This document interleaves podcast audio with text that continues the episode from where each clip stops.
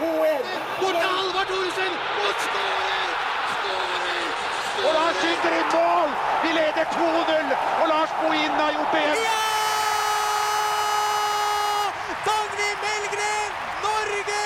You boys took a hell of a beating. De er begge landslagsspillere, de er gode kompiser, og de er utenlandsproffer. Martin Ødegaard og Mats Møller Dæhlie er gjester i eh, Podball, episode 9. Spilt inn eh, 22. mars. Velkommen, gutter. Takk, takk. Takk skal du ha. Det står, dette er jo nesten et uh, frokostmøte til å begynne med her, for her står det både havregrøt og sunt grovbrød på bordet. Ja, det var tidlig, men hyggelig å være her. Så bra. Og Fjørtoft, har du rukket frokost? Jeg har hatt knekkebrød, eh, og så syns jeg det er veldig spennende å skal få lov å ha de to her. For dette her kan jo, kan jo utvikles en sånn football rant. Så det er helt avhengig av hvordan de responderer på dine spørsmål. Ja, og det blir mye sånn behind the scenes-prat. Det blir litt eh, alvor. Vi skal ta spørsmål fra eh, lytterne. Og vi starter jo da det nye landslagsåret med, med kamp på Ullevål i morgen mot Australia. Det må vi selvfølgelig innom. Men konkurranseinstinkt, som du da eh, antyder her, det må vi egentlig begynne på med en gang. fordi at jeg var inne på Instagram-kontoen til Martin i går. Der så jeg da at gutta for n-te gang prøvde å spille sjakk. Jeg sier prøver å spille sjakk. Lynsjakk. Hvem vant, Martin? Altså, det, ble, det ble en seier til, eh, til meg. Martin, altså. Så um, Ja, det var Nei, det var greit, det. Du, du har vunnet, vunnet mest igjen. Men eh, jeg er fortsatt sjokkert over Jeg er for, helt sjokkert over eh, det jeg våkna opp til i dag. Ja, og hva var det, Martin? Nei, altså Vi setter jo opp et sjakkparti i går, da, og tagger Magnus Carlsen og tenker at vi skal gjøre opp litt fra sist. For vi hadde jo satt opp brettet helt feil sist. Har dere gjort det igjen? Eh, og nå har vi gått på en smell igjen, da. Så Magnus Carlsen kom til Sandvika umiddelbart, så vi får dette riktig. Hva skjedde? Nei, det dukker jo opp en melding i morges da, på Facebook fra Magnus Carlsen, hvor det står at um, Hvor han lurer på om det var meningen å sette opp brettet feil, og i så fall at det var morsomt. Men denne gangen så ble jeg faktisk Nå kjente jeg på det at jeg ble, jeg ble skikkelig prega av Ja. For dette har skjedd før. Da, da var det litt, litt morsomt. Men nå er det ikke det lenger. Nå, og ja.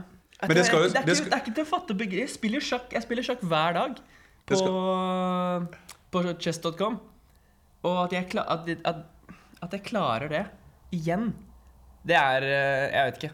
Jeg har ikke noe Det jeg skal har ikke ord, Jeg har ikke ord for det lenger. Det skal jo sies at de to gutta her altså de er jo til sammen fortsatt 17 år til sammen.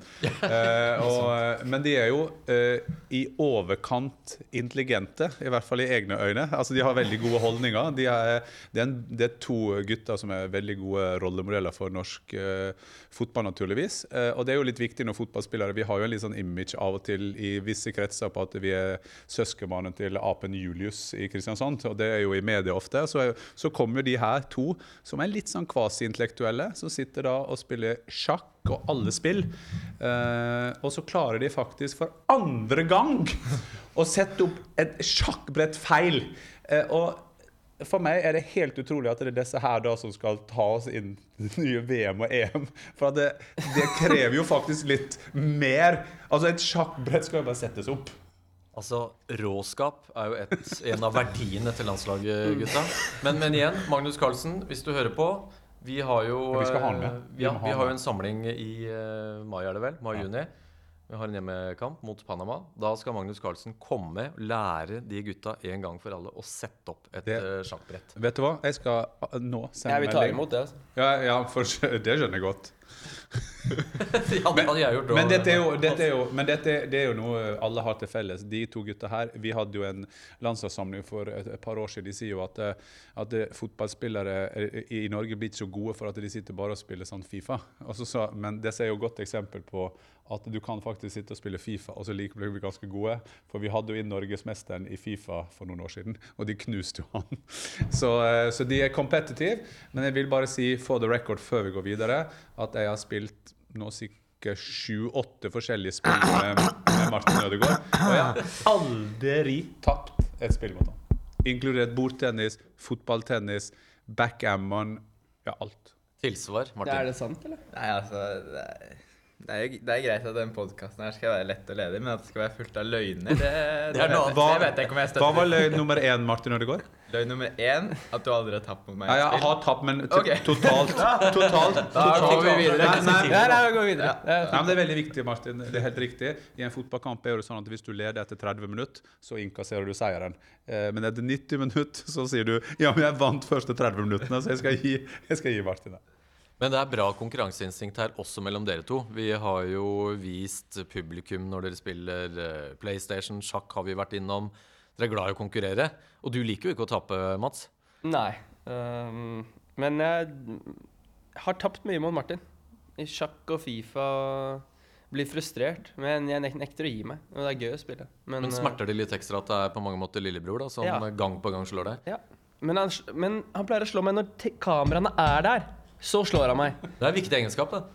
Ja, det er imponerende. Flott. Men Men det virker jo som dere har lært av det da, når dere spiller sjakk og tar bilde av sjakkbrettet og sender det til verdensmesteren i sjakk, og så for andre gang kommer det tilbake. Jeg syns vi skal gå videre. Så jeg synes det er ganske flaut. Dere er sjakkmatt, faktisk. Dere er sjakkmatt, og dere er glad i konkurranser. Men eh, jeg sa i introduksjonen at dere er gode kamerater. Eh, når møtte dere hverandre første gang, eh, Mats? På samling, første samling til Martin, så skulle han bo på rom med meg. Så da møttes vi. Og så har vi vært uh, veldig gode venner siden. Så um, fikk en liten oppgave å ta vare på han ekstra godt når han kom inn på første landslagssamling. Hvor viktig er det for dere to? Måten å inspirere kanskje hverandre og passe på hverandre i en voksenverden fotball?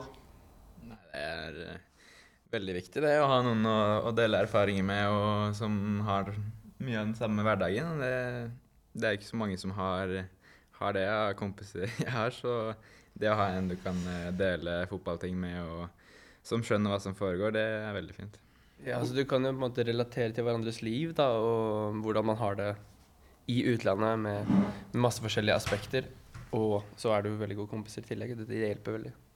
Dere kom jo på A-landslaget begge to som veldig unge, men særlig da eh, Martin som 15-åring. Hva, hvordan var det da å ha eh, storebror Mats der? Nei, det var uh, veldig fint. Jeg husker godt jeg kom inn på rommet der, og, og Mats lukka opp og tok meg imot. Så det var veldig fint det å ha Mats der. Han tok meg veldig godt imot fra starten av. Og vi ble jo egentlig kompiser med en gang, på en måte. Og um, faktisk før det også så hadde jeg fått en melding fra Mats på Facebook. Uh, eh, ja, før jeg egentlig spilte i Gods òg, hvor han eh, lurte på hvordan det gikk, og at han hadde sett meg spille og, og sånne ting. Så um, han var tidlig på med å, å backe opp og Ja, Kom- det er og komme med det råd er og så viktig at, det, at man tar den, tar den rollen i og med at han var så ekstremt ung som han var. Altså, det er jo veldig, veldig spesielt. Så um, all den, all den ja, de råd og erfaringer jeg kan dele med den det jeg var også Altså, jeg var ikke i nærheten av Martins situasjon, men jeg har litt, også litt av det samme samme erfaring med å være ung på landslag og komme inn tidlig uh, og deale med, med de tingene. Selv om Martin fikk det ganske mye ekst mer ekstremt enn meg. da. Ja, Kanskje at han fikk det mer ekstremt, for at du hadde jo også vist når du kom inn, at det, hva det betydde når du kom inn på landslaget. Men det som er spesielt med Martin og eh, Mats, i tillit til at de har veldig gode holdninger, og de har begge på sikt, selv om ikke de skjønner det helt nå, så har de begge lederegenskaper som gjør at det, dette kan jo plutselig være to fremtidige kandidater til å bli landslagskapteiner. Det det er jo sånn, det er helt avhengig av hvordan de utvikler seg selv, men det de har til felles, og som gjør at de er litt sånn unntak som bekrefter regelen i idrett, at begge er jo sant? Fordi at eh, Hvis du ser norsk idrett generelt, så, så er ikke det det, ikke, det har jo sånn som Marit Bjørgen, som sikkert har vunnet løp siden før hun ble født. Men, jo, eh, men, men det er ikke typisk. Og du, du kan si at de to her Det er både på godt og vondt. De har blitt rollemodeller for eh, en haug en generasjon av norske fotballspillere. Men det er jo ikke normalt. Altså, når, hvor gammel var du når du debuterte på landslaget, Mats? 18. 18, som var ekstremt tidlig. Og så kom eh, Martin, da, som var 15, så det var jo så vidt han hadde sertifikat til å kjøre vanlig sykkel. ikke sant, Og, og kom inn her. Men, men jeg husker jo da Martin eh, kom inn, og vi var der begge, Svein, når han skulle teste han på, eh, det, Vi fortalte jo ikke han det. Vi tok jo han inn Da var jeg rundt A-landslaget. Og da tok vi han inn for å sjekke om han, det var mulig at en 15-åring kunne takle det presset. Og så hadde de en pressekonferanse i Stavanger. Eh, og så svarte han bedre enn eh, nesten samtlige spillere hadde gjort eh, på spørsmål. Fikk spørsmål om, om, Messi. altså De prøvde å lure han ut på og skulle norsk presse sammenligne med Messi. og så, så, sier han jeg tror jeg skal sammenligne meg selv med Martin Ødegaard. Eh, jeg gjør bare ting som eh, som gjør at jeg blir en bedre fotballspiller, så hvorfor skal jeg ha en agent og den type ting. Og det så jeg var veldig mye av, av det som også Mats uh, hadde sagt. For Max så la jo veldig vekt på Du, du så med en gang at det hadde holdningene som skulle til. Men denne hypen uh, Vi er jo ganske sultefòra i norsk fotball. Du kom på landslaget som 18-åring, du Martin som 15-åring. Voldsomme forventninger. Er, på hvilken måte snakka dere om de tingene når uh, dere var romkamerater og spilte sammen? Nei, vi, vi, vi, prater jo om det, men vi prater ikke, nei, prater ikke så mye, mye, om akkurat uh, om hva som står, men vi, man prøver å backe opp hverandre hvis det, um, hvis det er f.eks. Det er ikke så, blir ikke så mye negativt, da, men det blir mye sånn positiv opphaussing som, som, er litt, etter min mening, veldig unødvendig. Å hause det så mye opp. Og det er godt å prate litt om det og og, og hva, det, hva, det, betyr, og hvilket fokus du må prøve å ha, og ikke la det påvirke deg, for det har ikke noe med realiteten å gjøre, det som står. Veldig ofte. Hvordan vil du Mats, beskrive Martin som person, hvis vi legger fotballspilleren Martin Ødegaard til side? Tørr, men, uh, men uh, meget hyggelig. Ydmyk. Hardtarbeidende. Så ja, jeg er en god, veldig god venn. Martin, hvordan er eh, Mats? Ekstremt tørr. Ekstremt tørr fra Oslo vest og en meget god venn. Ikke mobb bydelen vår nå. Du har jo hatt med i Hagebyen, eh, Mats. Åpen pakkeri og gitt han en litt sånn innføring. i det Er det lov i Ullevål Hageby å ha med seg folk fra Drammen? Må man ha sånn et uh, spesiell tillatelse for det? Vi, vi blir mobba for at det er den mest intellektuelle bydelen i i Oslo? Jeg, så jeg er stolt av min, min oppvekst og, og Lol Hageby. Men, men, det var ikke det jeg spurte om. Jeg, så, jeg, så, jeg så Erik Botheim har uttalt at uh, siden han kom fra Kringsjå At der, der han kom fra, var utrolig hardt. Da. Og at du måtte stikke deg frem og fighte deg frem Hører du var fra Kringsjå. Det, er, ja, det kjenner jeg meg ikke helt igjen i. Da er vi to. Jeg har også lest det. Men, så vi eh, sitter altså her, en fra Gursk og en fra Drammen, og blir imponert over de som bor i den intellektuelle delen av Norge. Jeg vil bare, før, før, du går videre, Svein, til neste, eh, så vil jeg si at det, eh, det som er spesielt også med uh, Mats og Martin, at det, uh, personlig så har jeg fått lov å på en måte følge de litt. fordi at det, uh, Mats er ett år yngre enn min sønn, så vi så jo han luringen Mats som var 1-0-1 og drilla alle eh, på eh, og så Bare spis havregrøten. Bare nå spiser han havregrøt her.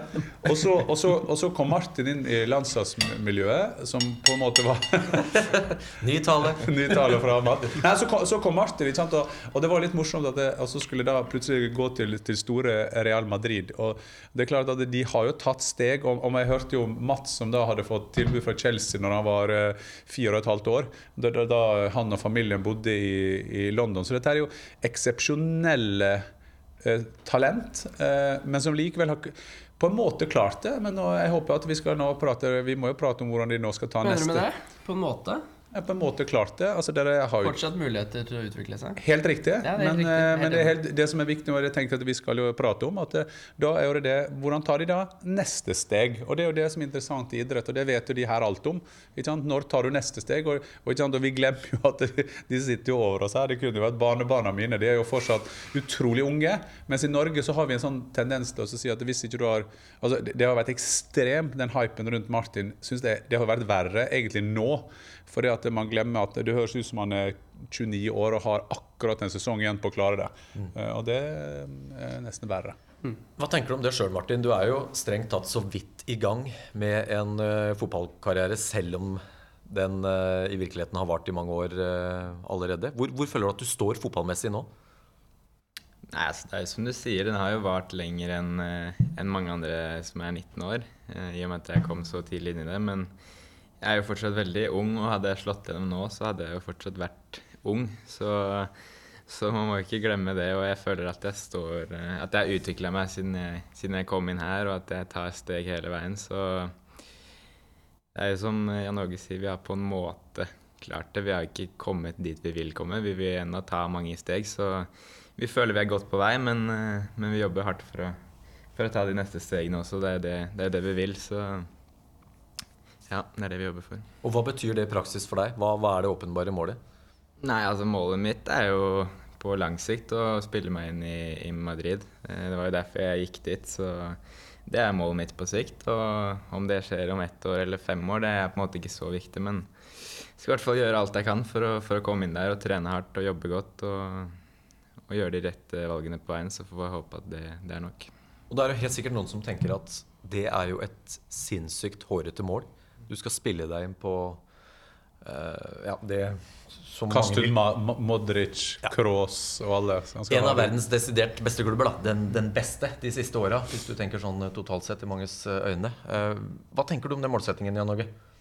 Nei, For det første syns jeg eh, det er jo helt riktig. For det, du skal jo ha ingen grenser. I det øyeblikket de to gutta her sier til seg selv at de ikke har de hårete målene, så, så, så syns jeg de bør slutte. Ikke sant? Og, og jeg, jeg, når av og til når folk spør meg om, om du får lov til å når de sier, Det er noen som sier til unge og barn at du skal ikke få lov å drømme. Jeg er helt motsatt. Jeg mener at du skal drømme hele tiden. Og så bruker jeg å si jeg kommer fra ei lita bygd som heter Gursken. Og jeg fikk lov å spille Bundesliga, Premier League og VM for Norge. Og så, så sier jeg prøv å fortelle meg at jeg ikke skal få lov å drømme. Har det noen sagt til meg det når, eh, Og jeg husker, hvis jeg kan få lov da, Martin, jeg har ikke gjort det da kvelden før du signerte for Real Madrid, så var jeg på et, eh, en fest på lokalet i Sunnmøre, og så ser jeg at eh, Martin Ødegaard ringte meg. Og så sier han det, for da skulle du gjøre valget Det endte jo opp med å gjøre valget tror jeg, på en søndag. At du dro Eller var det på mandag? Whatever. Så ringte du meg, og så sier han det at eh, det er jo et stort steg, ikke sant? Som var naturlig. Så var du 16 år? Ja, 16 år, og da husker jeg jeg sa til Martin at det, når jeg var 16 år, så turte ikke jeg å, å bo i Ulsteinvik, to mil unna.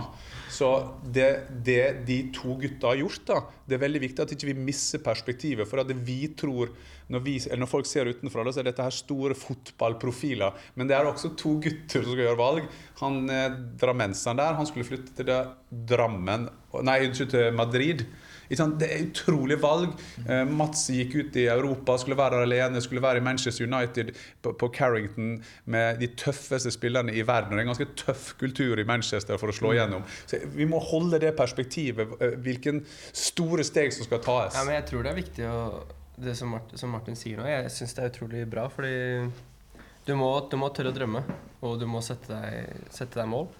Og så jeg tror også for oss det, som man, man tar seg litt ut av komfortsonen sin når man drar eh, ut så tidlig, og ofrer på en måte ganske mye av sin, sin ungdomstid og, og, og satser 100% på, på fotball. Og, uh, for meg også så er det noe jeg er veldig glad for at jeg gjorde, og på en måte styrka meg som person og, og spiller og gjort meg på en måte rusta til å være fotballspiller da, og være i proffmiljøet uh, i senere tid.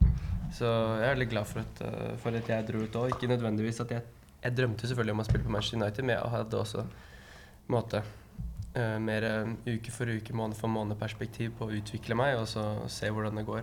For det, å spille på Real Madrid eller United er jo noe av det vanskeligste du kan gjøre i, ja, innenfor sport. Det er jo det ultimate målet du kan sette deg. ikke sant? For at du kan gå comfort. ikke sant? Og jeg vet jo det at det, altså Martin, nei, Mats kunne jo fortsette i Manchester United og, og helt sikkert eh, fått en kamp. eh, Og kanskje akkurat i den kampen så hadde han gjort det så bra. Altså, Det er jo sånn Ja, det altså, er. det vet man jo aldri. Det men, man aldri, men det er jo- i- det er jo ekstremt hardt, og det, det, jeg, det jeg så, var, var at spilletid um, trumfa det å det å, å bli der og spille på, på U21-laget. Så det var et valg jeg gjorde. Så kan man diskutere i ettertid om det var riktig eller, eller, um, eller galt. Men sånn som for Martin, altså bare ha, ha drømmer og, og så jobbe hardt eh, hver eneste dag, og så ser man hvordan det går. Man må aldri slutte å drømme seg helt enig med det. Og så er det et poeng Martin, at det er alltid én millioner meninger der ute om hva som er riktig klubbvalg, hva du skal gjøre videre. Men det er kun du og de nærmeste som vet hvordan klubben din, Real Madrid, tenker om din fotballframtid. Og det, det gir vel en trygghet, tross alt. Ja, altså sånn vil det alltid være. Sånn har det vært både for Mats og meg nå i, i mange år. Det er jo folk som mener ting hele tiden, og som ikke har peiling på noen ting og mener noe, og folk som har litt mer peiling og, og mener noe. Så det er jo sånn du må forholde deg til. Og, jeg vet jo på en måte hvem jeg skal lytte til. og jeg lytter heller til Real Madrid enn en masse folk på Twitter, på en måte, så det, det er ikke så vanskelig å, å velge det. Men, eh, men altså, det er jo det er ting som kan gå inn på deg. Det, når folk mener noe, det, det, kan jo gå inn på deg, men da, da gjelder det å være flink til å bare holde fokus på det du skal, og høre på de du skal, egentlig. Så, så går det stort sett bra, selv om det kan, ja, men det, kan være det, det, er sant, spesielt når man er ung. Sånn som, som når jeg var på, på din alder òg, så må jeg si at, um, at noe kan ha påvirket meg av og til. Uh, for du Jeg er også veldig tenkende person. Tenker mye, ikke sant. Så tenker altfor mye. Men uh, ja, det Derfor du taper i sjakk? Det er poeng. Unnskyld, Mats. Men uh, ja. Um, Men, men, det var, men, men, men jeg, jeg diskuterer de valgene dere har gjort i, i livet, så, så handler jo det at the end of the day så handler det om egentlig hvor man presterer på banen. Ikke sant? Altså, hvis, fått, hvis du hadde fått sjansen i den ligacupkampen i Manchester United, eh, bla, bla, bla. Det kunne du gjøre. Men så velger man spilletid. Fair enough. Og så, så, så er det lett å, å si i ettertid Alle kan være klok, altså etterpåklokskap. Men, men eh, for Martin, som da, det forsvarer iallfall jeg herfra til evigheten, med de kandidatene han hadde, så, eh, så hadde han da et valg, det var et, og ett av de lagene som var keenest på å få han, de hadde et andre lag. Og det andre laget ble trena av en fyr som heter Zinedine Zidane, som kanskje var tidenes beste midtbanespiller. Så jeg syns ikke det altså, så, men, så, men de gutta som sitter der, det er jo ganske morsomt. Altså, de, eh, Martin har nå en eh, fire- eller femårskontrakt igjen med Real Madrid. Eh, eh, Mats har vært i Manchester United, han har spilt Premier League, han har skåra i Premier League, han har 20 landskamper for Norge. Eh, får litt orden på kroppen, så kommer han helt sikkert til å slå til. Det er nøkkelen. Ja, ja, og da kommer han plutselig så er Bundesliga nærmere enn man tror, for han er et av verdens beste fotballand. Martin er i Heerenveen, er fortsatt 19 år, kanskje blir leid ut til et annet sted. Det er ikke synd i de gutta her. Hadde norske idrettsutøvere og, og norske talent vært så langt i karrieren sin, da hadde jeg sovet godt om natta på vegne av norsk fotball. Gutta, det syns jeg var en veldig fin foreløpig oppsummering av hvor dere står fotballmessig. Er dere enige? ja, bra, Jan Åge. Takk. Det er fint. Bra Jan Åge. For å gå litt videre, men Det ble nevnt et tema som ikke er noe drømmesamtaleemne, men som, som har Damer? Ja, det kom vi til etterpå, det. Det var det vi, det vi skulle legge mot Det var en av de som var litt bekymra for det. Ja, det er derfor vi kommer mot det mot slutten. Ja, så- vi ser hvor mange minutter vi kan bruke på det. Det Nei, skader er stikkordet. Og det er en fellesnevner for fjoråret for, eh, for begge. Dere var ute med skader. Men, men Mats, du har hatt noen tøffe slag. Ja. Det kombinert med å reise ut tidlig og, og den mentale testen eh, deres seg sjøl. Hvordan har du jobba med deg sjøl for å komme tilbake gang etter gang? For det har, det har blitt noen skadeavbrekk nå, tross alt. Ja, det har blitt uh, to ganske lange. Eller den første var jo da kneet mitt. Kom til Eller altså, jeg var jo i Cardiff. Hadde det veldig bra der. Et uh, fint år, selv om sportslig det gikk Det gikk litt nedover med klubben, så hadde jeg for min egen del eh, veldig positiv opplevelse med mye spilletid og ganske, vel, ganske gode prestasjoner i forhold til så ung alder. Eh, men så ville jeg til Freiburg, eh, og for jeg fikk et tilbud fra de. Så kommer jeg dit, spiller to kamper, og så er jeg ute med skade. Så jeg kan ikke språket. Jeg er ny i en klubb, jeg er ung spiller. Jeg får en skade som gjør at jeg er ute faktisk ett og et halvt år. Um, og det var veldig tøft. Eh, også i forhold til den starten du får i ny klubb da. Eh, så når jeg kom tilbake den sommeren 2016, etter å ha vært ute så lenge, så var det mye du skal jobbe med, og du mister faktisk en del fotballform og fotballfølelse når du kommer tilbake etter så lang tid. Som jeg måtte bruke en ganske lang tid på å på måte finne tilbake til meg selv da, og, og spille det spillet jeg, jeg vil. Eh, så det, det var ganske hardt mentalt. Men underveis i det lengste skadeavbrekket, som var altså, hva du sa, halvannet år, tenkte du da at, eller frykta du at eh, her kan faktisk fotballkarrieren være over? Nei, ikke at det var over, men eh, du blir veldig bekymra i forhold til statusen din i klubben, og, og at du sitter og ser på tribunen at uh, Ja, at alle andre rundt, rundt på dine posisjoner, og alle spiller bra, og Ja, du, du, du måte får ikke vist deg fram overhodet. Så det, det var ganske hardt. Så du må finne på en måte noen måter å håndtere det på. Eh, Så det følte jeg gjorde, men eh, det var vanskelig. Hvor syns du at du står nå? Jeg syns jeg mm, Jeg spiller i en veldig bra liga, en litt undervurdert liga. Altså Zweite Liga i Bundesliga er uh, ranka veldig høyt av ligaene i, i Europa. Det er et høyt nivå. Eh, jeg spiller for en stor, stor og fin klubb. Eh, så jeg, er vel- jeg er veldig tilfreds med, med nivået jeg spiller på. Jeg føler det, føler det er bra, men jeg vil selvfølgelig eh, spille på et hakk opp, og det er drømmen. Så det tror jeg jeg kan klare igjen. Jeg har gjort det før, og det vil jeg gjøre igjen. Så det handler bare om å prestere der du er. Men jeg er fornøyd eh, med, med hvordan, hvordan ting går nå. Men jeg har jo vært skada igjen da, eh, i denne sesongen. Og det har jo også ødelagt en del av rytmen. Så det er jo veldig frustrerende. Martin, du har jo unngått store skadeproblemer så langt, men du hadde et avbrekk eh, du også i inneværende sesong. Hvordan har det vært?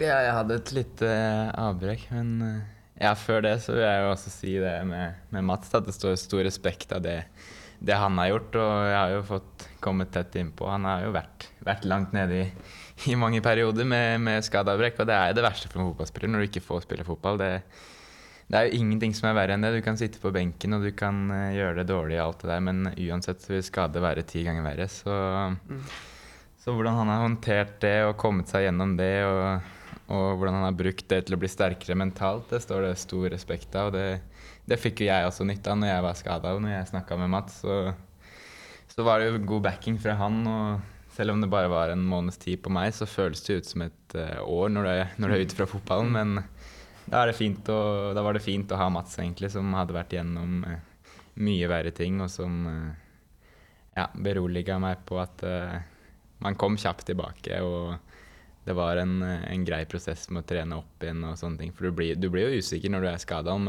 om du kommer raskt tilbake, om det er Hvordan er formen når du kommer tilbake nå, og alt mulig sånn. og Martin var litt bekymra for, for, for, å- for å ja, ut en måned om at fotballformen kom, ikke kom til å være bra. Sa jeg Martin, det går, kommer til å gå fint. Det, Men, men, det, men det de sier der, er litt undervurdert. fordi det, det er helt riktig. Det er som, kanskje ikke fotballformen som Martin konkret pratet om, men det er rytmen. Altså Du, du skal forstå ballen, du skal, alt, alt skal liksom læres uh, på nytt. Men interessant å høre med dere. Dere er jo sånn, begge, Du er jo ekstrem, Martin. Du er jo sånn grubleren og tenkeren. Eh, og Martin, Mats, men, eh, Mats, unnskyld. Mats er, grubleren og tenker ekstremt. Ikke sant? Og, men Martin også er over gjennomsnittet i forhold til en del andre spillere. For Det er jo et uttrykk på engelsk som heter 'no brain, no headache'.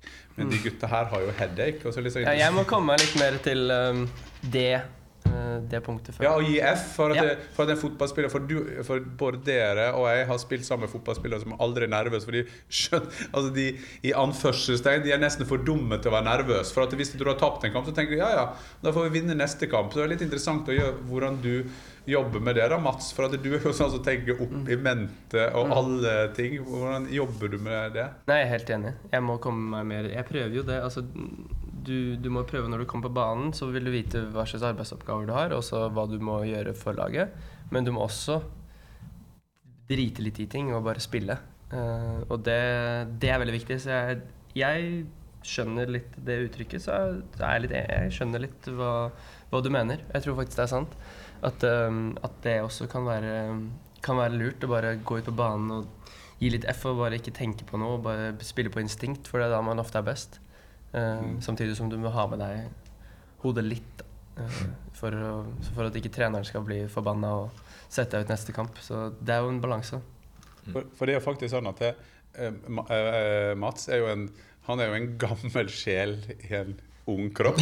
Jo, jo men for, det, for at jeg opplever, jo, men jeg opplever det jo i min karriere, at det, og det har jeg lest med mange også, at du blir, du blir faktisk mer og mer nervøs jo eldre du blir. For at det, når du blir eldre, så tenker du mye mer følgende av at du taper, eller at du mister en, en sjanse i en kamp. Mens når du er ung, så tenker ikke du på det. Men, men, men Mats, du får jo forsvare det, men jeg regner med at du vil kanskje gi meg rett? Ja, øh, det er riktig. Jeg føler meg jeg er litt, ja, kanskje litt spesiell. Øh, og tenk, jeg tenker mye. Eh, lik, jeg kan gjerne snakke om følelser eh, til langt på natt og sånne ting.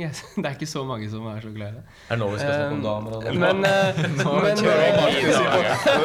Hvordan blir det på rommet da, Martin, når, når han vil begynne å prate om følelser klokka to om natta? Ja, det er faktisk helt riktig at han prater om følelser klokka to om natta. Så Og så er vi en sponsor som er opptatt av Eat, Move, Sleep. Jeg tror jeg må legge til en fjerde Feel. Feel. Feel. Feel during night. Men går det bra, altså- eller går det bra? Har dere gode samtaler langt utpå natta om livets gode, veldig gode samtaler. Jeg syns Martin er god der. Altså. Jeg føler at inn i eh, dypet på ting. Så ja. Og det er viktig. Men som vi komme tilbake til, Jan Åge Jeg, ehm, jeg vet Ja, jeg, jeg må komme mer på det ehm, Det der å, å drite i konsekvensene når du spiller. Uh, og når du også er uh, ung i en, i en veldig sånn competitive eh, miljø, så handler det også om å beholde plassen på laget. Og da blir, du kanskje me- da blir du kanskje også litt tenkende på hva skal jeg gjøre for å spille neste kamp. For hvordan er tre hva blir treneren fornøyd? Uh, og hvis det da går utover kanskje det, det siste lille inst instinktet eller friheten du, du Redd må for å gjøre feil? Ja, og det- er liksom sånne ting som du må prøve å knekke den koden, og det jobber jeg med veldig, veldig mye. Så, Så- jeg, men jeg er enig med deg. No, hva var det? Uh, hva var det du sa? No No brain, no Ja, headache. riktig. Så det er mel- balansegang å Ja, finne ja, mellom, mellom å please treneren og på en måte spille på det man føler. Det, Mm. det er jo ofte en utfordring, Ja, det. Hvor det er- eh, treneren sier en del ting da, som du bør tenke på i kamp, og som eh, Er han ønsker at laget skal gjøre. Så Mm. må ikke det gå på bekostning av eh, de beste valgene og det du føler er riktig på banen. Og det Mm. er jo det man må tenke på. Den enkle psykologien er jo selvsagt å, å, egentlig å drite i konsekvenser. Ikke sant? Det er at Man kan ikke tenke konsekvenser, de får bare komme av seg selv. Men Martin, du også hadde jo en, du en periode der vi kunne se på deg at eh, du, der du var den lekende som prøvde på ting, og så ble det en del på tvers, og du valgte de enkle løsningene. Er det natur... Altså, jeg, jeg syns det er naturlig, men jeg, jeg spør deg om du, du følte det var Var det det at når man spiller sammen med verdens beste fotballspillere, er det en sånn naturlig ting at man da Alfa bør bare passe på at når man gjør grunnmusikken At den, du vil liksom ikke drite det ut og misse ballen? Kan det være en sånn Ja, altså det kan nok eh, Det er det helt sikkert. Eh, Jeg tror på en måte at eh, man spiller litt safere når man kommer til en, en, sånn, en sånn gjeng med, med de beste spillerne, egentlig. Da, da prøver du ikke på ja, Ronaldinho-finta i første innovering, på en måte. Da, da kommer du heller litt gradvis inn i det. Men samtidig så føler jeg at jeg var meg selv og på trening. Det var jo ikke sånn at jeg gjemte meg bort eller Jeg spilte jo mitt spill, og det er mange av treningene jeg gjorde det veldig bra på. Og, og egentlig føler jeg at jeg turte å prøve på de driblingene jeg gjorde i, i godset og, og sånne ting. Så altså, det kan godt hende det preg, prega litt, men jeg følte fortsatt at jeg var meg selv og, og turte å spille på mine ferdigheter. Gutta, vi skal over til eh, spørsmål fra lytterne. Ja, og da starter vi med et eh, saklig, ordentlig og bra spørsmål til å begynne med her. Det handler om landslaget. Vi skal over på det etterpå. Kan A-landslaget hevde seg mesterskap i løpet av de kommende årene, hvis det i det hele tatt er håp for deltakelse i EM og VM? Og det måtte selvfølgelig legge på den siste der, vår eh, innsender. Vi kan starte med deg, Mans. Fokus på å komme dit først, og så får vi se, ta det andre senere. Men vi må jo komme dit. Så fokus på det som kommer. Er det og det kan vi klare. Ja. Martin, hva tenker du? Ja, absolutt. Vi, vi skal komme dit først, som Mats sier, men eh, det syns jeg absolutt det er muligheter til. Jeg syns vi har et bra lag med mange spennende spillere nå. Og flere av de unggutta som vi har spilt lenge med, som tar store steg om dagen. Så jeg tror absolutt vi kan komme til et sluttspill, og da får vi også håpe at vi kan hevde oss der. Det, og det er nøkkelen, det de sier. De må ta steg. Ja. De gutta her må ta neste steg. Jeg var i, eh, nede i Israel og så så et U-landslag. Ble nummer tre. Og så lurer jeg på, hvis de som var på det laget den gangen, er helt ærlige med seg selv, hvem er det som har tatt neste steg? Og det, de, jeg er fotballkarriere, det er hele tida steg. Og så er det sånne ting som er helt sånn fysisk, sånn som når Mats skårte i eh, Premier League. Da har du på en måte tatt et steg. Da, du, da vet du at du på din beste dag kan klare det, og da vil han prøve å gjenskape uh, den feelingen du hadde når du gjorde det. Og jeg tror at vi har veldig mange talentfulle spillere nå i Norge, men de må ta neste steg. Det er en grunn til at når jeg eh, kommuniserer innimellom med han Martin Ødegaard, så spør jeg han har du sparka ned noen på trening. For jeg vil at de, de skal, Denne råskapen kan ikke bare være en sånn ting vi henger på veggen der inne.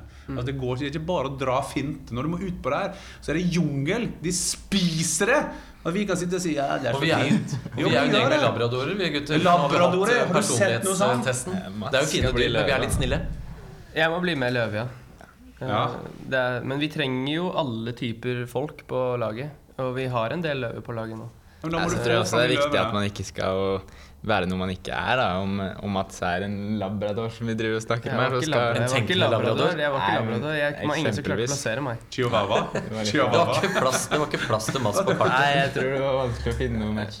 Um, Nei, men jeg syns man skal være den man er. Det er ikke feil å være den man er, men, men du kan på banen så kan du jo endre små ting som, som gjør at det bikker i Men de to der, akkurat de to er jo godt illustrerende på det. fordi at det, de skal ikke endre seg, men det må være noen, og ofte de selv, som skal bidra til at de skaper den scenen hvor de skal være kreative på. Og hvis de ikke får lov å være kreative, så kan man si ja, men vi får lov å være oss selv. Men det hjelper ikke at vi får være oss selv hvis at det, du blir sparka i tunnelen ut på banen. Ikke sant? Så de må liksom de må jobbe og være løve for å få den plassen, slik at de kan få frem labradoret i seg selv. Det er vel det som vi prøver å si. Jeg har ikke noe å tillegge på det. Altså. Nei, det er bra. Da har Jørgen, det var altså Jørgen R. Karlsen som da har fått svar. Vi skal skape Magnus Carlsen. Magnus Carlsen. Kanskje det er broren. Uh, vi skal skape noen flere løver, men vi skal være de vi er, er uh, mottoet her fra gutta. Svein T. Martinsen har stilt oss følgende spørsmål. Hva er det viktigste en breddetrener bør fokusere på for å gi barn positive opplevelser og utviklingsmuligheter? Og da er det naturlig å starte med lyntrener Mats, fordi du er jo vikartrener for 2000 og Jeg var. ja, men når du er hjemom, så er du litt vikar. Ja da. 2002-kullet, er det? Ja, Ja. riktig. Hva bør eh, Svein Martinsen få av gode råd her? Altså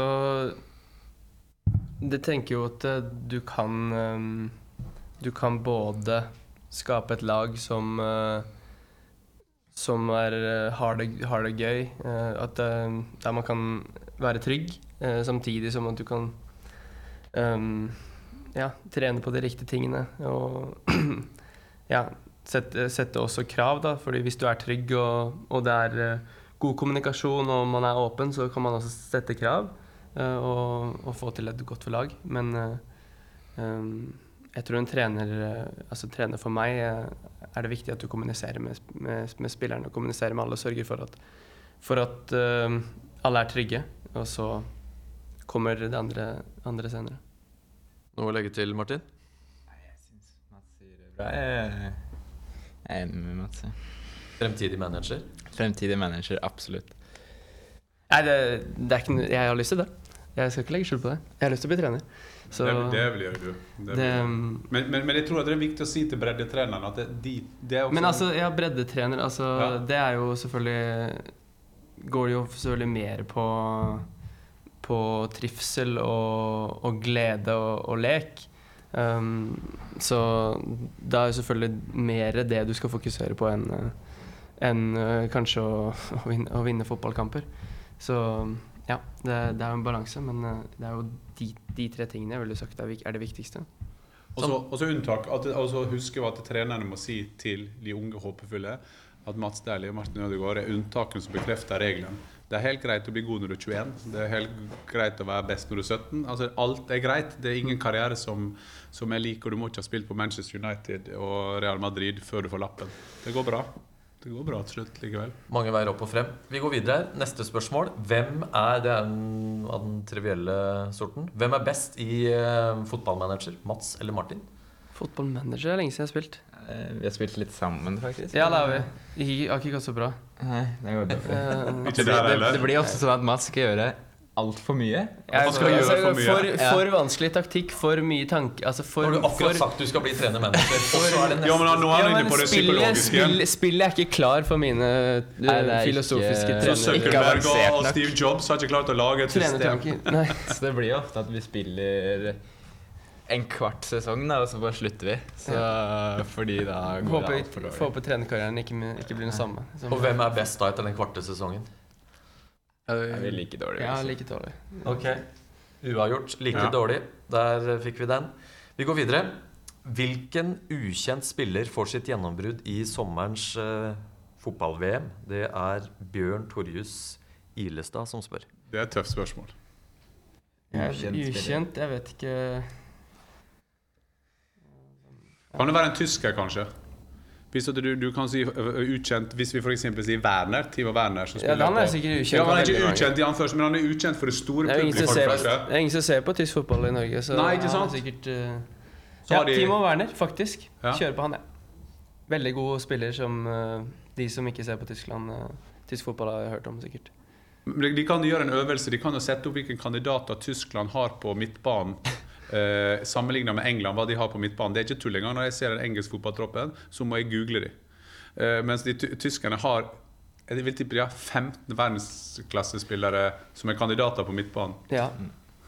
Men til svar på Timo Werner tar jeg spørsmål. En annen okay. kan jo Ikke ukjent, han er jo veldig kjent, en superstjerne egentlig, men Da svarer en du på eh, spørsmålet. Jo da. nei, Jo, jo, men, eh, As. Asensio på Spania Ja. er jo Ja. en type som uh, Ikke mange Som ikke kanskje er av de mest kjente på Spania, men som jeg tror vil være Ja, ve veldig bra. kan jeg stille meg bak. Hvordan vil du beskrive han, eh, Martin? Nei, han er uh, ekstrem. Han har fart, dribleferdigheter, sinnssyk skuddfot og, og god spilleforståelse, så han er ganske komplett, egentlig, vil jeg si. Jeg har et spørsmål som jeg fikk inn her. Eh, Martin, hvordan er det å være i fotballgarderoba og på trening med Cristiano Ronaldo? Det er eh, selvfølgelig for en ung gutt å komme inn i garderoben og se verdens beste fotballspiller og verdens beste fotballspillere stå foran deg. Det er jo surrealistisk. Eh, så i starten så var jo det rett og slett eh, ekstremt og en wow-opplevelse.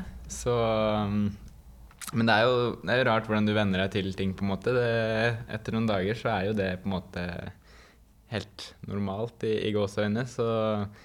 Men å se hvordan han jobber og hvordan han tar vare på kroppen for å prestere optimalt, og hvor proff han er, på en måte, det er rett og slett ekstremt å se på. Så der er det ekstremt mye å lære.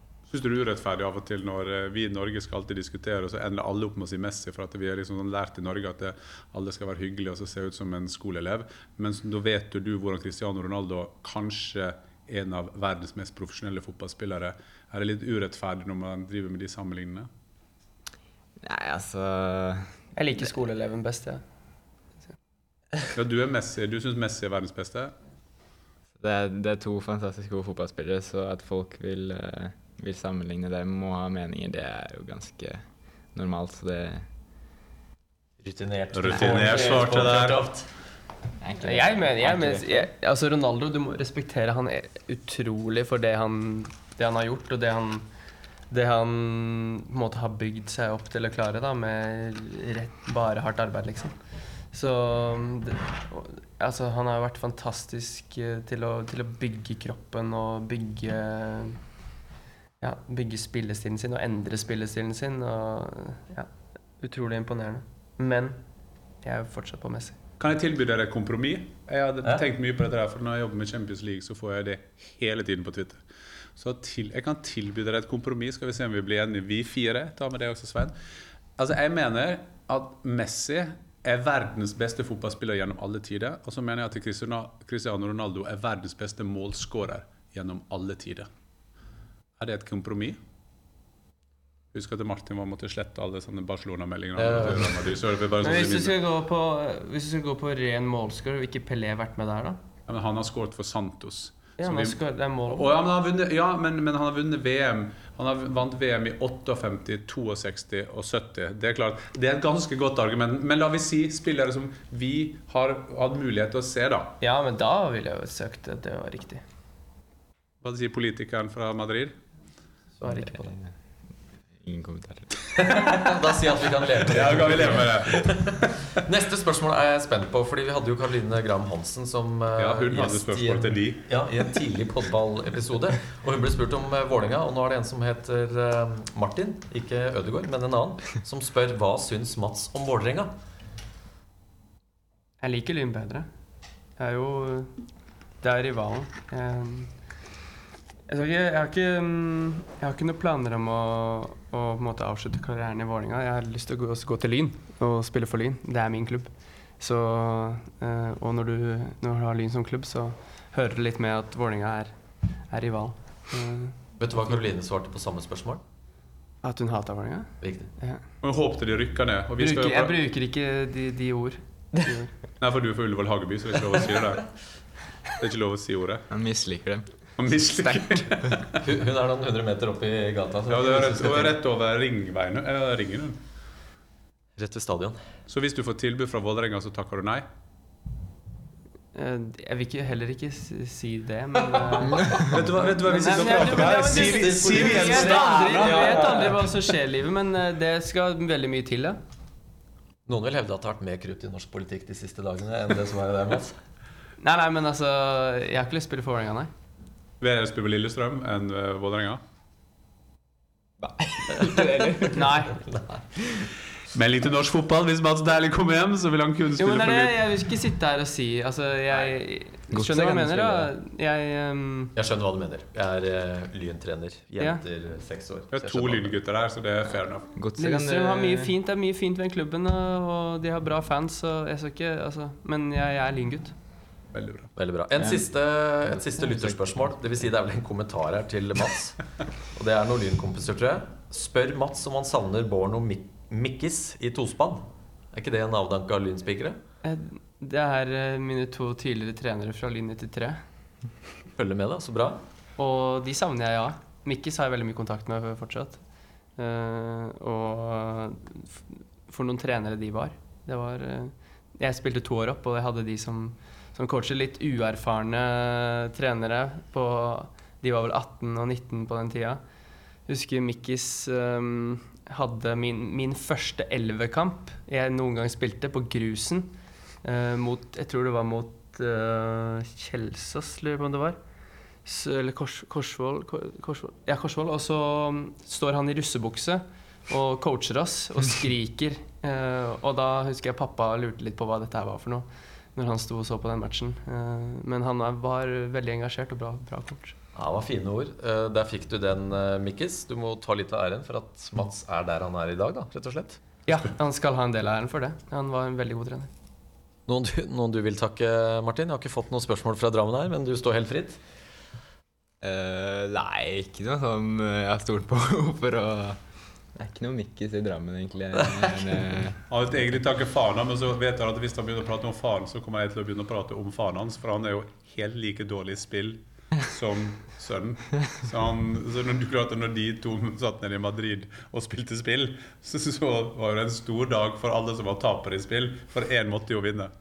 Det er veldig bra. Men du hadde i hvert fall ingen trener i russedress, eh, Martin. nei, det var dårlig med det. Faren din i munnen. Nå er det mye rare bilder som skapes opp i hodet. Men du, tida går fryktelig fort. Vi må snakke om landslaget og det som står for tur. Nå spilles jo denne podballepisoden inn dagen før Norge-Australia, så vi bør ikke snakke så mye om den kampen. Men Nations League, tida etter at Lars Lagerbäck eh, overtok, hva er det vi må forbedre hvis vi skal endelig komme til et sluttspill igjen? Jeg tror vi må bli eh, enda bedre på å bikke, bikke jevne kamper i vår favør. Eh, vi eh, Hvis vi ser bort fra Tyskland-kampen, så ja, Vi kan ikke se bort fra den, men det var Glem den, liksom. Det var dårlig. Eh, så, så er vi jevne med veldig mange motstandere. eh, og hvor er det vi kan, kan bikke de kampene? Eh, vi har et vi har et system vi, vi følger. Vi har en, en, grunn, grunnspillestil som er enkel å forholde seg til. Vi har et forsvarsspill som vi begynner å forstå godt. Og det er litt opp til oss spillerne å virkelig ja, rett og slett bare gå utpå der og, og krige og, og, og vinne for Norge. Um, og, og fighte, rett og slett. Og da tror jeg vi kan, vi kan klare det. Martin, hva er den største mangelvaren for landslaget i dag? Nei, altså vi har jo etter Lars kommet inn, så har han jo stramma inn det defensive veldig. Vi har fått en eh, fin defensiv struktur utenom den Tyskland-kampen som eh, Mats snakker om. Eh, så har vi litt å gå opp i angrepsspillet, og det har vi også snakka om her. At eh, det er der vi må ta steg. Eh, det hjelper selvfølgelig å holde nullen, men du må også skåre mål skal du vinne kamper. Så det blir å finne den balansegangen der mellom et solid defensivt, eh, en solid defensiv struktur og og et angrepsspill som, som skaper nok til å, til å skåre noen mål også. Er det en stor omstilling for deg å spille under Lagerbäck?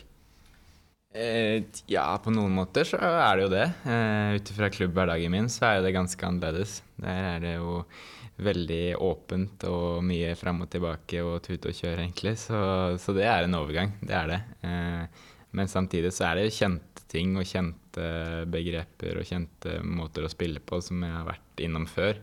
Så det er jo ikke noe helt ukjent, men eh, du må omstille deg litt fra klubbhverdagen. Det, det vil jeg tro for din del. At, eh, Ja, men det er veldig mange som må, må omstille seg. Du kommer fra ulike trenere som helt ulike spillemåter, og fotball har blitt veldig taktisk. eh, Så folk kom- kommer jo og må omstille seg, men da er det greit at han har vært her en stund nå, at du vet hva du, hva du kommer til, og du vet hva du må gjøre. Og det er veldig tydelig, og det er ikke noe som har forandra seg fra forrige gang, eh, forrige samling, så du, du kan forberede deg veldig godt, eh, og det er veldig fint.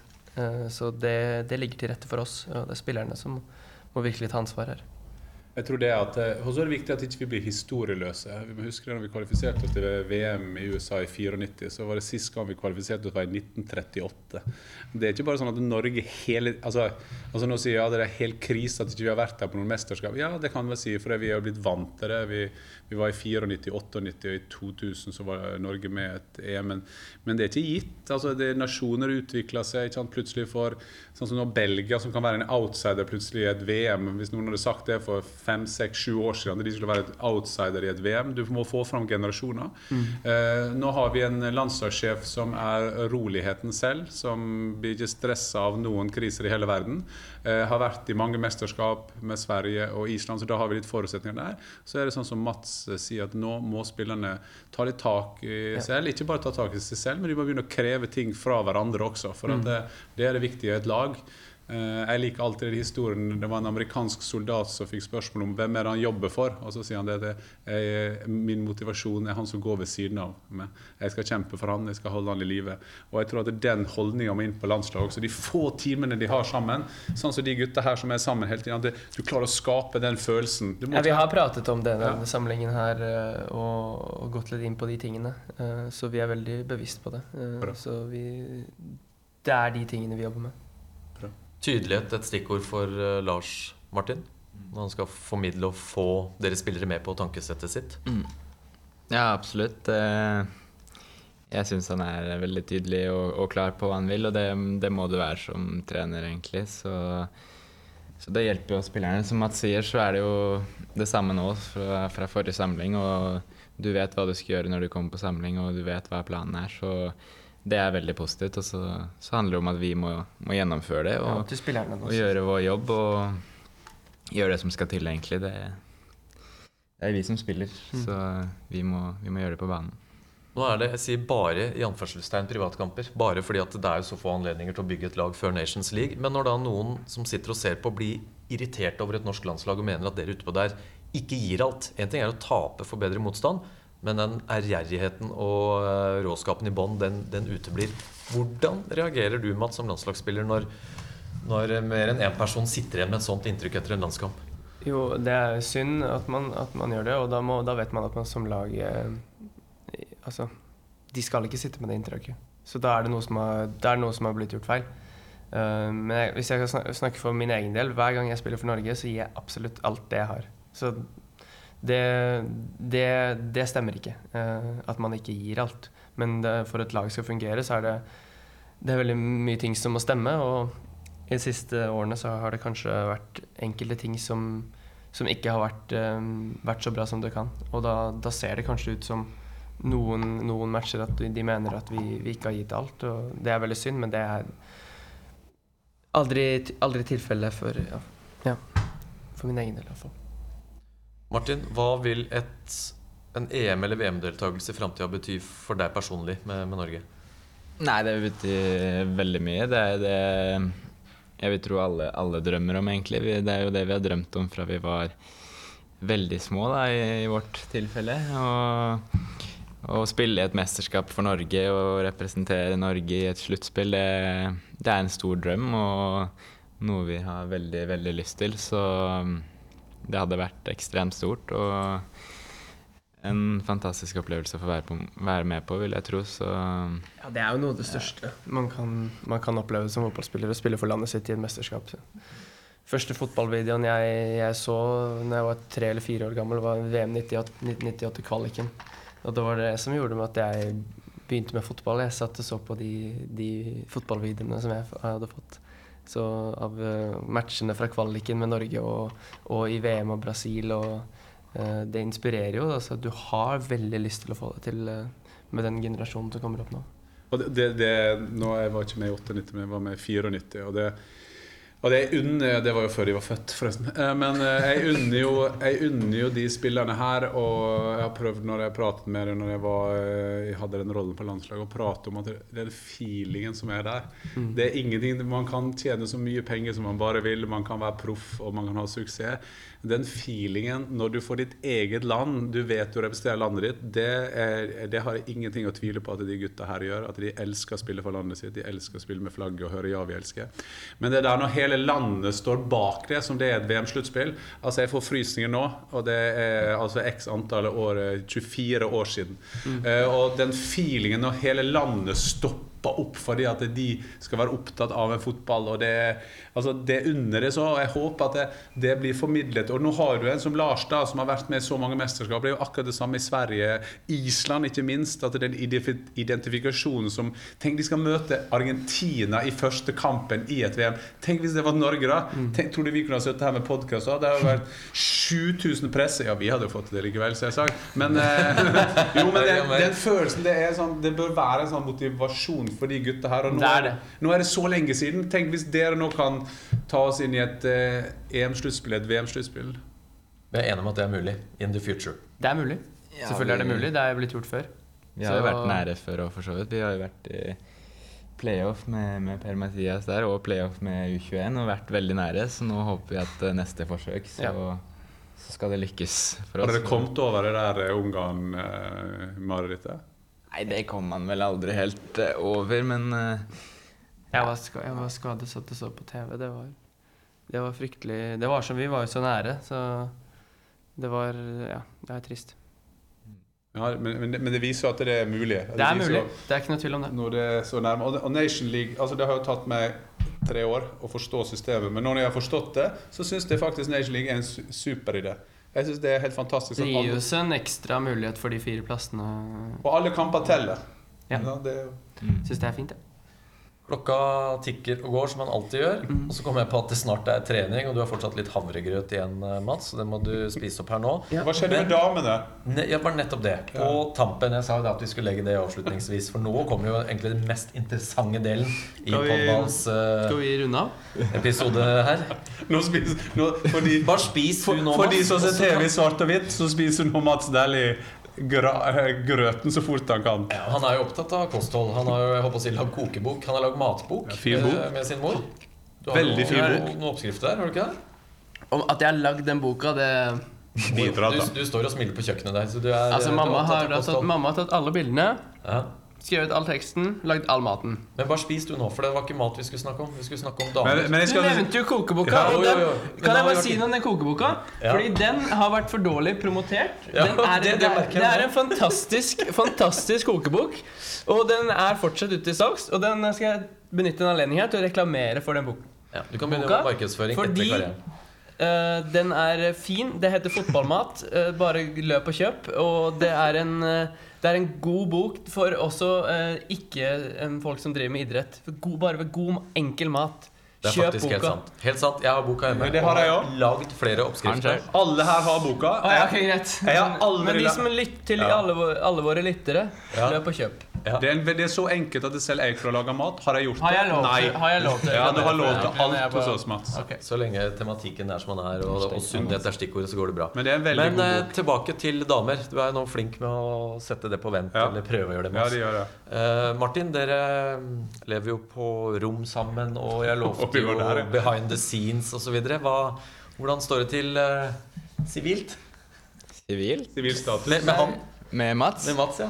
Ja, jeg, Altså, jeg- det blir jo mye følelser på Mats, da. Han Men det er jo, det er jo sånn at eh, når du Jeg bor ikke med min kjæreste. Men du har kjæreste? Ja. Og um, det er ikke alltid, alltid like lett å ha avstandsforhold i snart fem år. Um, så da hender det at eh, Martin får utløp for litt frustrasjon, og at jeg savner hun og sånne ting. Um, men uh, ja, det er, eh, det, er, det, er, det er vanskelig, men det går, det går bra. Er du litt uh, hobbypsykolog, Martin? Ja, altså, vi, blir, vi blir jo det for samme, hverandre, Samme egentlig. situasjonen, ikke sant? Så Ja, for du har også et avstandsforhold. ja, stemmer. Det er avstandsforhold som er på vei til å ikke bli avstandsforhold, men et vanlig forhold. Per dags dato. Nå er det ny andre veien for oss. Men, Jeg så for meg Jeg så for meg det her. nei, men vi er jo i samme situasjon. Altså, også der er det jo fint å ha hverandre og snakke litt og dele litt. Og både Riktig frustrasjon og, og, og positive ting med det. Mm. Det er jo fint å dele det. det. Men, men men vi, vi skal jeg, jeg tror, jeg, for jeg vet Svein, at nå får du liksom da programledergenet ditt. Går nå, så Noen av oss må være veldig voksne nå og avrunde den delen. Jeg syns det. Jeg er syns morsomt, jeg har fått mer enn nok. Men Ja. det er. Men jeg skal avrunde med å si, jeg skal si det at eh, det som er veldig kult med, med Martin og Mats, og det er flere på landslaget som er sånn, men akkurat nå har vi de her, da, det at du ser det kommer en ny generasjon. Eh, Du kan tenke min generasjon. Vi var jo litt sånn, men du kan tenke deg generasjonen før oss, da. Kan du se for deg Åge Hareide og Terje Koiedal sitte og prate om følelser, og hvilke følelser de har på rommet? Altså, det kommer jo, det, og så kan jo noen da som kritisk si jeg har ikke vært bedre at de vant en fotballkamp i ny og ne? Men jeg tror at vi skal være veldig glad for at vi har Ja takk, begge deler. de har tatt begge deler, og, og gutta har eh, vært i storklubber. De er på, i begynnelsen av sin karriere, og jeg tror norsk fotball skal være utrolig fornøyd eh, når du ser rundt om i verden hvilken mye idioter med dårlige holdninger som løper rundt. Jeg tror at det er en del viktig, det er en viktig del av det å være idrettsutøver og rollemodell, at vi tør å oppnå sånn som de gutta har gjort i dag. Så det, det Må være oss selv. ja, men det var, det, jo, men det var derfor jeg stoppa. Jeg tror, jeg tror den, den podkasten kunne kanskje vært en av de mest hørt gjennom alle tider. vi vi, Det var egentlig nå episoden starta, men det får bli en, eh, en annen det gang. var det. Ja. Gutta, superhyggelig å ha dere på frokost i podball. Det er jo sånn på landslaget at Hvis man ikke er på bussen når den går til Ullevål, så går den bussen. Og selv om du sykler en del borti Nederland, eh, Martin, så er det greit å bli med. Jeg tar rutebuss til trening. Ja, bra. På grunn av miljø, miljøhensyn. Delvis miljø, delvis at jeg ikke har lappen. Har du lappen, eh, Martin? Jeg har lappen, så Du har ikke lappen? Nei. Men du har jo jeg har øvelseskjørt lappen i, i deg, fire det- år nå med, med faren din til og fra Sandvika og andre steder. Uh, ja, men det er når jeg er hjemme. Det er jo ikke ofte. Jeg, Du må ta når, jeg, når jeg er i har du utlandet, så ikke klarer jeg meg lappen selv. fordi du ikke har klart å ta lappen? Uh, ja, du kan, du kan se på det på den måten. Her er det en ny Har du prøvd? episode. Har du prøvd? Jeg prøver nå. Ja. Feila to ganger på teorien de siste to, tre uker. Oi, oi, oi. Her fikk vi teori! overskrifter Tysk på teori. overtid. Tysk teori. Durchgang, Einbahnstraße! Så du, du har prøvd å kjøre opp og ta teori i Tyskland? Morten Thorsby er veldig fornøyd med meg med tanke på miljøet. Og at eh, det Ja, men ikke prat deg bort. Du, du har ikke klart å ta lappen i Tyskland? Nei. så- nei. Greit. Til alle norske førerskoler kan vi gi et ekstra kurs til Mats. Han kan ta det i sommerferien. Sånn hurtigkurs. Ja. Ja, men jeg må ta det i Tyskland. Ok Men rutebussen går rett til trening. ja. Men vet du hva? Bare ro ned med lappen. Det er veldig fint at du er, eh, har grønne tanker. Veldig bra. Det er veldig bra å høre, Mats. Altså, Det har, vært, det har vært kulere hvis jeg hadde lappen og fortsatt tok rutebuss. det er helt riktig. Men så skal det sies at den teoriprøven Men du sparer sparer allikevel. Den teoriprøven er det få i Norge som klarer. Da. Den er jo veldig vanskelig. Den i Tyskland er ganske vanskelig. Ja, du gjør, ja, du gjør selvsagt på tysk. Ja. Ja. Ok. Nei, ja. Nei, Engelsk. men vi fikk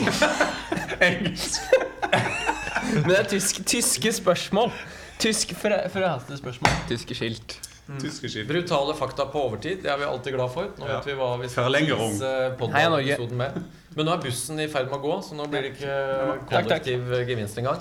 Uh, tusen takk og lykke til både i klubb og landslag. Jan Åge, takk til eh, deg. Det er ikke hver gang vi har så hyggelige frokostgjester. Veldig bra, og det er en veldig fin gjeng. Vi har hatt Karoline Graham her, vi har hatt flere fotballspillere inne her som har fantastisk gode holdninger. Dette er to av dem. Tusen takk, gutter. Takk for oss. Mange takk.